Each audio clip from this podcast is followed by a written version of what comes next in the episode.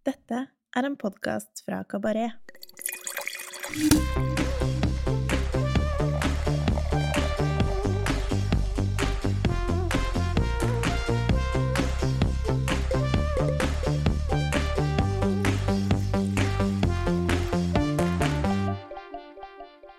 Hei, hei, velkommen til Ukas vin, en podkast fra Kabaret der vi hver uke tester én vin som vi enten digger eller har trua på. Jeg heter eh, Tommy Andresen, og i denne episoden har jeg med meg Simon Simmermann, eh, restaurantsjef og vinansvarlig for Happolati i Oslo. Hei, Simon. Hei, god dag. Episode to med deg. Episode to. Dette blir stas. Denne gangen så skal vi til Australia, et eh, spennende vinland som er ålreit representert i Norge, men som samtidig føles veldig fjernt. I hvert fall for min del. Akkurat som om det aldri har uh, fått helt fotfeste her. Det er jo selvsagt uh, ingen grunn til det, sett bort fra den lange reiseveien som får prisene litt høyere opp enn ellers i Europa. Det er nok de klassiske vinene fra Australia som har lengst standing i Norge, men de siste fem-ti årene har yngre, mer innovative vindmakere sakte og sikkert tatt mer og mer over markedet. Produsenter som William Downey, Patrick Sullivan, Lucy Margot og Tom Shobrook lager alle strålende viner med masse personlighet og drikkeglede. Hva er ditt forhold til Australia, Simon? Jeg syns Australia er veldig spennende. Det skjer jo veldig mye der om dagen også. De som du akkurat nevnte, er jo de som er på en måte ryggraden bak den naturlige bevegelsen. Um, men du har jo en god del klassiske produsenter som lager noen gode viner også. Absolutt. Uh, som for eksempel Penfolds, Yangara, Wendery. Så det er, det er De lager mye vin, da. Uh, og de lager jo bokstavelig talt nesten alt. ja. Jeg personlig har, eh, jeg har, smakt veldig lite av de, liksom, de store toppvinene i den litt mer klassiske leiren. Sikkert både fordi de er relativt uh, høyt priset, men det er jo kvalitet som uh, står opp for det, selvfølgelig. Hvordan vil du beskrive de vinene? De vinene er jo som oftest De trenger litt mer tid, men noen ganger også veldig gode i ung alder. Personlig så har jeg jo egentlig en sånn litt sånn guilty pleasure for, for Kunaware eller Barossa Cabernet Shiraz. Altså, mm. Det er vanvittig gode viner hvis du treffer de beste. Mm. Selvfølgelig en litt annen stil, men jeg er veldig åpen for mye. Mm. Uh, og syns den stilen er egentlig ganske, ganske kul. Altså, det, det, er noe unikt. Og det finnes en del på, på polet som du kan finne. Uh, de absolutt beste selvfølgelig er jo litt vanskeligere å få tak i, men det fins jevnt igjennom en, en, liten del flotte viner som du kan få tak i, både på den klassiske delen og ikke minst også da naturlige. Mm. Ja, Som du nevner, uh, Shiraz og Cabernet Sauvignon det er jo de, de mest kjente blådruene i Australia. Men pinot noir er jo også en ganske beblanta drue. og ja, kanskje personlig den mest interessante varianten som dyrkes i landet for tiden. I hvert fall blant den uh, nye bølgen med produsenter. Pinot fra Australia har jo helt klart et uh, mye mer raust og modent uttrykk enn f.eks. i uh, Bourgogne, men i de rette hendene og med nok friskhet så kan vinene være helt strøkne. Hva syns du om pinot noirene fra Australia, Simon? Det er veldig mye bra. Altså Snakker vi pinot noir, så snakker vi vel hovedsak egentlig Victoria og Yarrow Valley. Du har jo produsenter som Timo Maier, som lager noe mm. helt stunning viner. Men du har også noen småprodusenter, som f.eks. Mac Forbes, som lager noen veldig flotte ting, og ikke minst også William Downey, som vi skal smake i dag. Mm. Så det er, det, er, det er, mye bra å finne. Uh, selvfølgelig, disse småskalaprodusentene er ikke alltid alle finner veien, men noen dukker opp stadig i ny og ne. Ja, det virker som at uh, hvert fall når man følger litt med på internasjonale um, typer restauranter og vinimportører, og sånn, så virker det som at Australia har veldig veldig mye kul vin som ikke er tilgjengelig her i Norge. Nå har jeg ikke noen spesielle navn å tenke på, men det, du ser liksom vinene deres bare sånn Hva er dette her for noe? Det så veldig kult ut, men du aner liksom ikke hva det er. Jeg tror veldig mye av det blir kanskje på kontinentet. Definitivt. Altså, Australia har jo et litt mindre marked i Norge. Og det har også vært et litt vanskeligere marked. Men det kommer selvfølgelig sakte, men sikkert, det også. Men det kommer til å ta litt tid før Australia er helt der oppe. Jeg vil nok si at mesteparten av det som kommer ut av Australia, det forsvinner enten ned til New Zealand, eller så fyker det opp til Kina. Med høye tariffer i Kina så har det jo vært en mulighet for oss andre utenfor kontinentet da, å få eh, mer viner. Som har gjort at vi også får mulighet til å smake mer. Smake nye produsenter, oppdage nye ting. Som igjen kanskje er litt positivt for vår del. Mm, ja. ja. og produsenten som du nevnte, mm, Timo Maier, han er jo en fyr som uh, lager litt av hvert av forskjellige drueopper. Han lager vel både pinot noir og Cabernet Sauvignon, Shiraz og men også Merlot, gjør han ikke det? Det gjør han. det gjør Han Han lager til og med en vanvittig god Nebbiolo. Ja. Så, så, det Han er jo en, en, en, veldig flott produsent. Det er jo en produsent som, som dukket opp nå de siste to-tre årene, mm. som jeg er veldig glad for. For det, er viner som jeg har hatt lyst å, å ha på restauranten lenge. Mm. Det er jo ikke en produsent som produserer all verden. Så å få vin fra han er jo, syns jeg, helt fantastisk. Mm.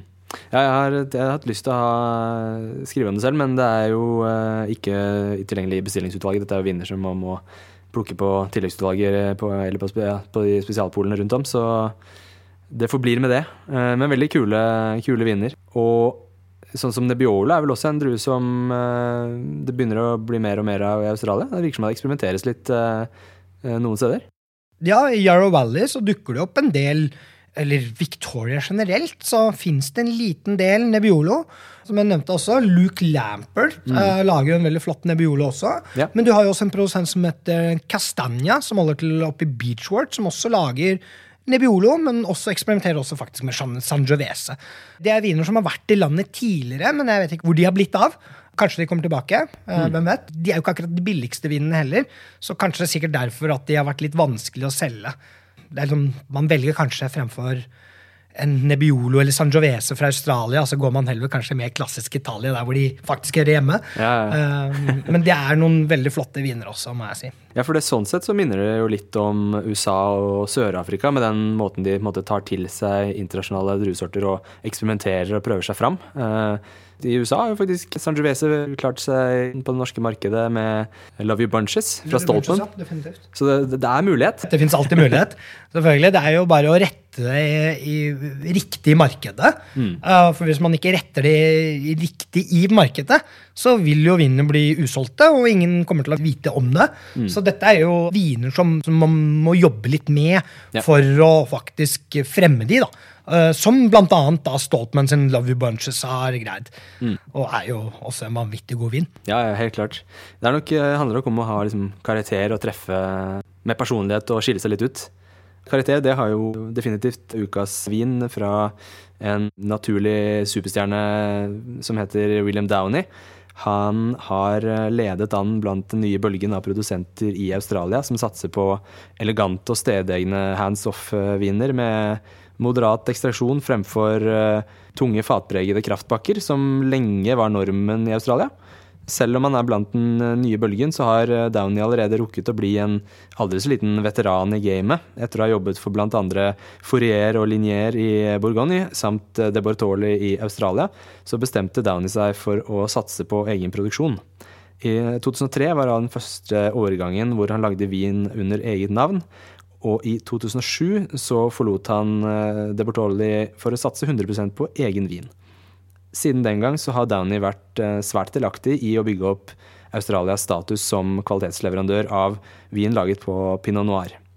Mellom 2005 og 2016 så lagde han alle vinene sine på en gård i Gippsland kalt Gwendolyn Farm, sammen med kona Rachel. I 2017 så kjøpte han og kompisen Patrick Sullivan et uh, vineri kalt uh, The Wild Dog og 11 hektar vinmark sammen i Bawbawshire i, i Gippsland. Vinifikasjonen skjer nå på den nye farmen, før tønnene flyttes tilbake til Gwendolyn Farm for elevasj der. Det er altså videre modning på fat etter endt gjæring, elevasj.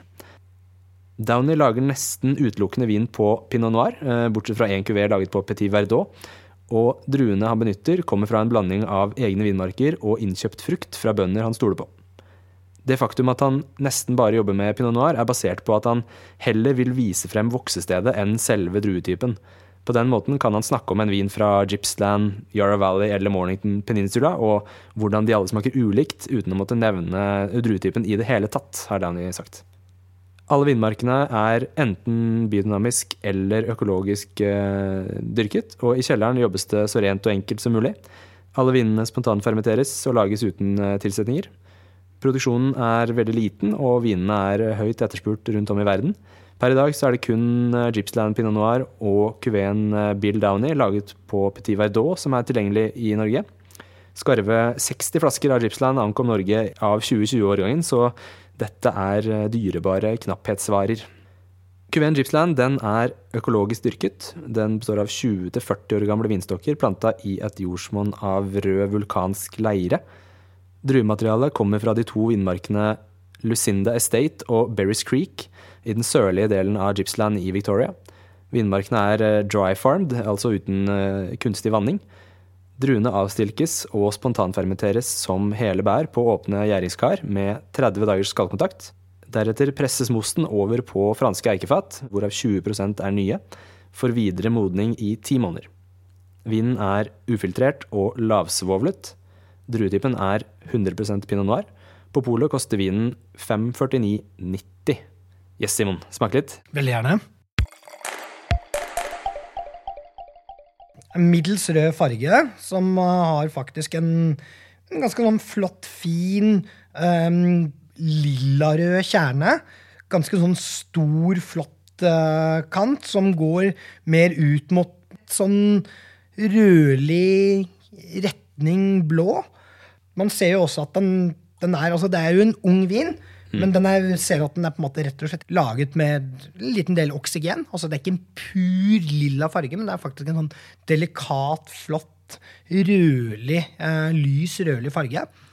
Og svakt ufiltrert. Svakt ufiltrert, ja. Jeg vil jo si at den er ganske Den er jo klar. Så Jo da, det er den. fargen er jo kanskje litt mørkere enn det man kanskje kan forvente av andre pinot noirer. Som kanskje har noe med årgangen å gjøre, varme, tykkelse av skall osv. Som også da gjør at kanskje vinene også er mer tolerante mot oksygen når det er litt mer struktur inne i bildet. Den nesa er ganske uttrykksfull, vil jeg si. Definitivt. Sist jeg lukta og smakte på Downey sine viner, var vel i sikkert i hvert fall tre, fire, fem år siden. Og jeg husker det fortsatt som veldig likt dette her. Sånn, det virker som han har en veldig sånn klar signatur på, på stilen sin. Det har han definitivt. Vinene er jo veldig, veldig delikate. Jeg vil si at den er, den er veldig ren. Det er ikke alle vinene eller alle kuveene til William Downey som jeg har smakt, som alltid har vært like rene. Men det er avhengig av årgang, hva han har gjort i det året. Kanskje også liten hvilken tidsperiode han har vært i. Men disse vinene her har jo en veldig god egenskap til å lagre også. Mm. Ja, for det er jo en eh, ganske ung vin, eh, 2020-årgangen, Definitivt. som vi har eh, i glasset nå. Så den er jo definitivt på den unge siden, men fortsatt ganske sånn primær, eller fortsatt tilgjengelig, vil jeg si. Definitivt. Helt åpen og vil nok bare gi noe annerledes nå enn eh, med litt tid. Absolutt. Det som slår meg først, er at den har veldig flott, eh, delikat frukt. Altså retning med sånn kirsebær, kirsebærstein. Viser litt sånn mineralitet i form av litt spice, lett jordlighet. Men vinen vil selvfølgelig få mye bedre uttrykk når den får litt luft. Så dette er jo viner som, som definitivt bør dekanteres før servering. Og så er det noe sånn eh, Det er noe veldig finstemt og elegant her. Noen liksom topptoner som er veldig, eh, veldig løfta og freshe. Sånn urte, urtetoner som nesten går litt mot sånn mentol eh, En grønn, herbal friskhet uten at det er direkte grønt. ja, Altså, ja, absolutt. sånn søt, nesten litt sånn søt grønntoner, hvis man kan si det sånn. Du nevnte litt sånn ø, oksygen, men det, det er ikke noe, ikke noe preg av fat, syns jeg, sånn å snakke om. Eh, Absolutt ikke. I hvert fall ikke de nye fatene. Nei. Så de har integrert seg ganske godt i, i vinen. Ja. Selvfølgelig en litt annen stil enn det man eh, hvis man er vant med viner fra Frankrike. eh, laget på pinot noir. Det er jo en litt mer eh, solmoden stil. Definitivt. Altså, det har mer juice, litt Ja. mer dybde, men viner fra Burgund kan også ha det.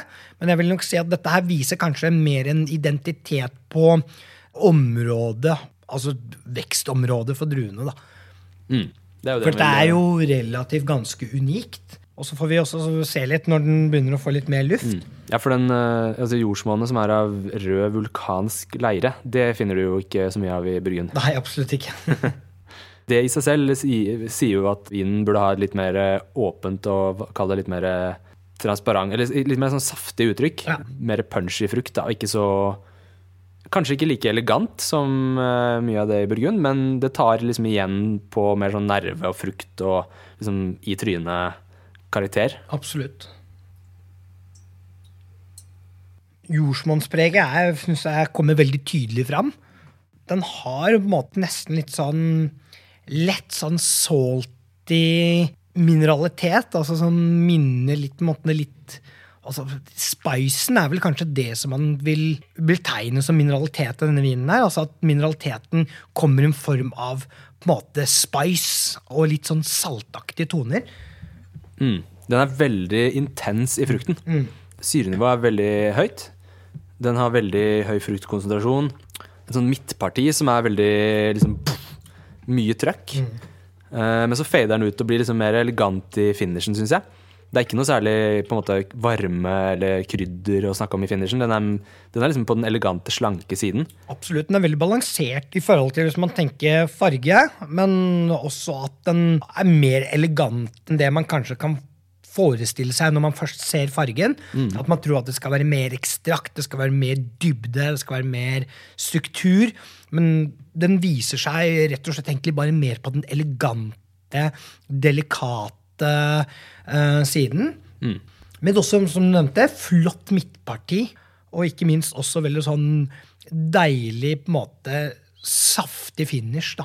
Som også, hvor du også kjenner litt av den der lille delikate linmineraliteten som på en måte går nesten litt over mot sånn saltaktig eh, finish, egentlig. Ja, Det de engelsktalende kaller savory. Savory, yes. Jeg, føler det er skikkelig sånn vibrerende, levende, nerverik vin som liksom har Som er ganske sånn zzz, Det er mye tenning i den. Og leverer skikkelig, skikkelig på fruktfronten. Ja, veldig god vin. Jeg syns jo allikevel den er ganske sånn det klisjéaktige uttrykket burgundsk eh, i stilen. Hvis, I hvert fall hvis man drikker vin fra noen av de litt mer, litt mer naturlige produsentene i Burgund, da. Så kan det minne litt om eh, noe av det de holdt på med der også. Definitivt. ja. Hva ville du tenkt av matfølge til denne, Simon? Altså Det første jeg tenker, er jo hovedsak egentlig grillet svinenakke, f.eks. eksempel. Um, fjærkre, and, f.eks. Men også andre ting som, som det fungerer bra med. altså Asiatiske retter, klassiske, klassiske retter.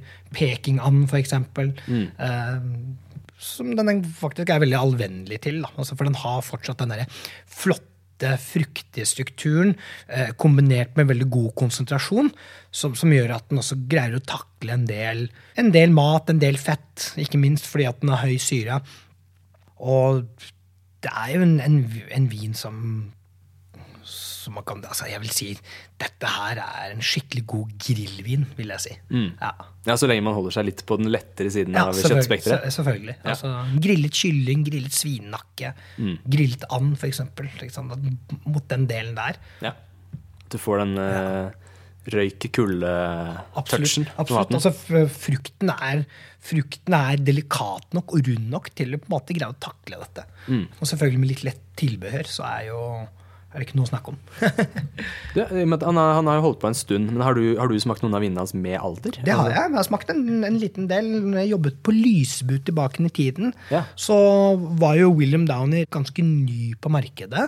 Da kostet de selvfølgelig langt mye mindre enn det de gjør i dag. Det var ikke direkte gamle årganger, men jeg har smakt litt i etterkant. Og det er veldig interessant når de begynner å få litt alder, for de blir liksom litt sånn lett nøttete. Går nesten litt mot sånn surkirsebær. De på en måte får litt mer jordligere struktur.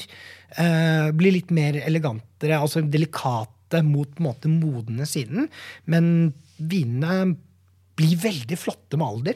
må jeg si. Altså, det er ikke noe feil å drikke de nå, men gi de en fem-seks år, så vil det definitivt også være veldig flotte viner. Mm. Ja, det tror jeg på. Jeg, jeg ser for meg at det vil kle denne vinen her. Et litt sånn mellomlagringsperspektiv.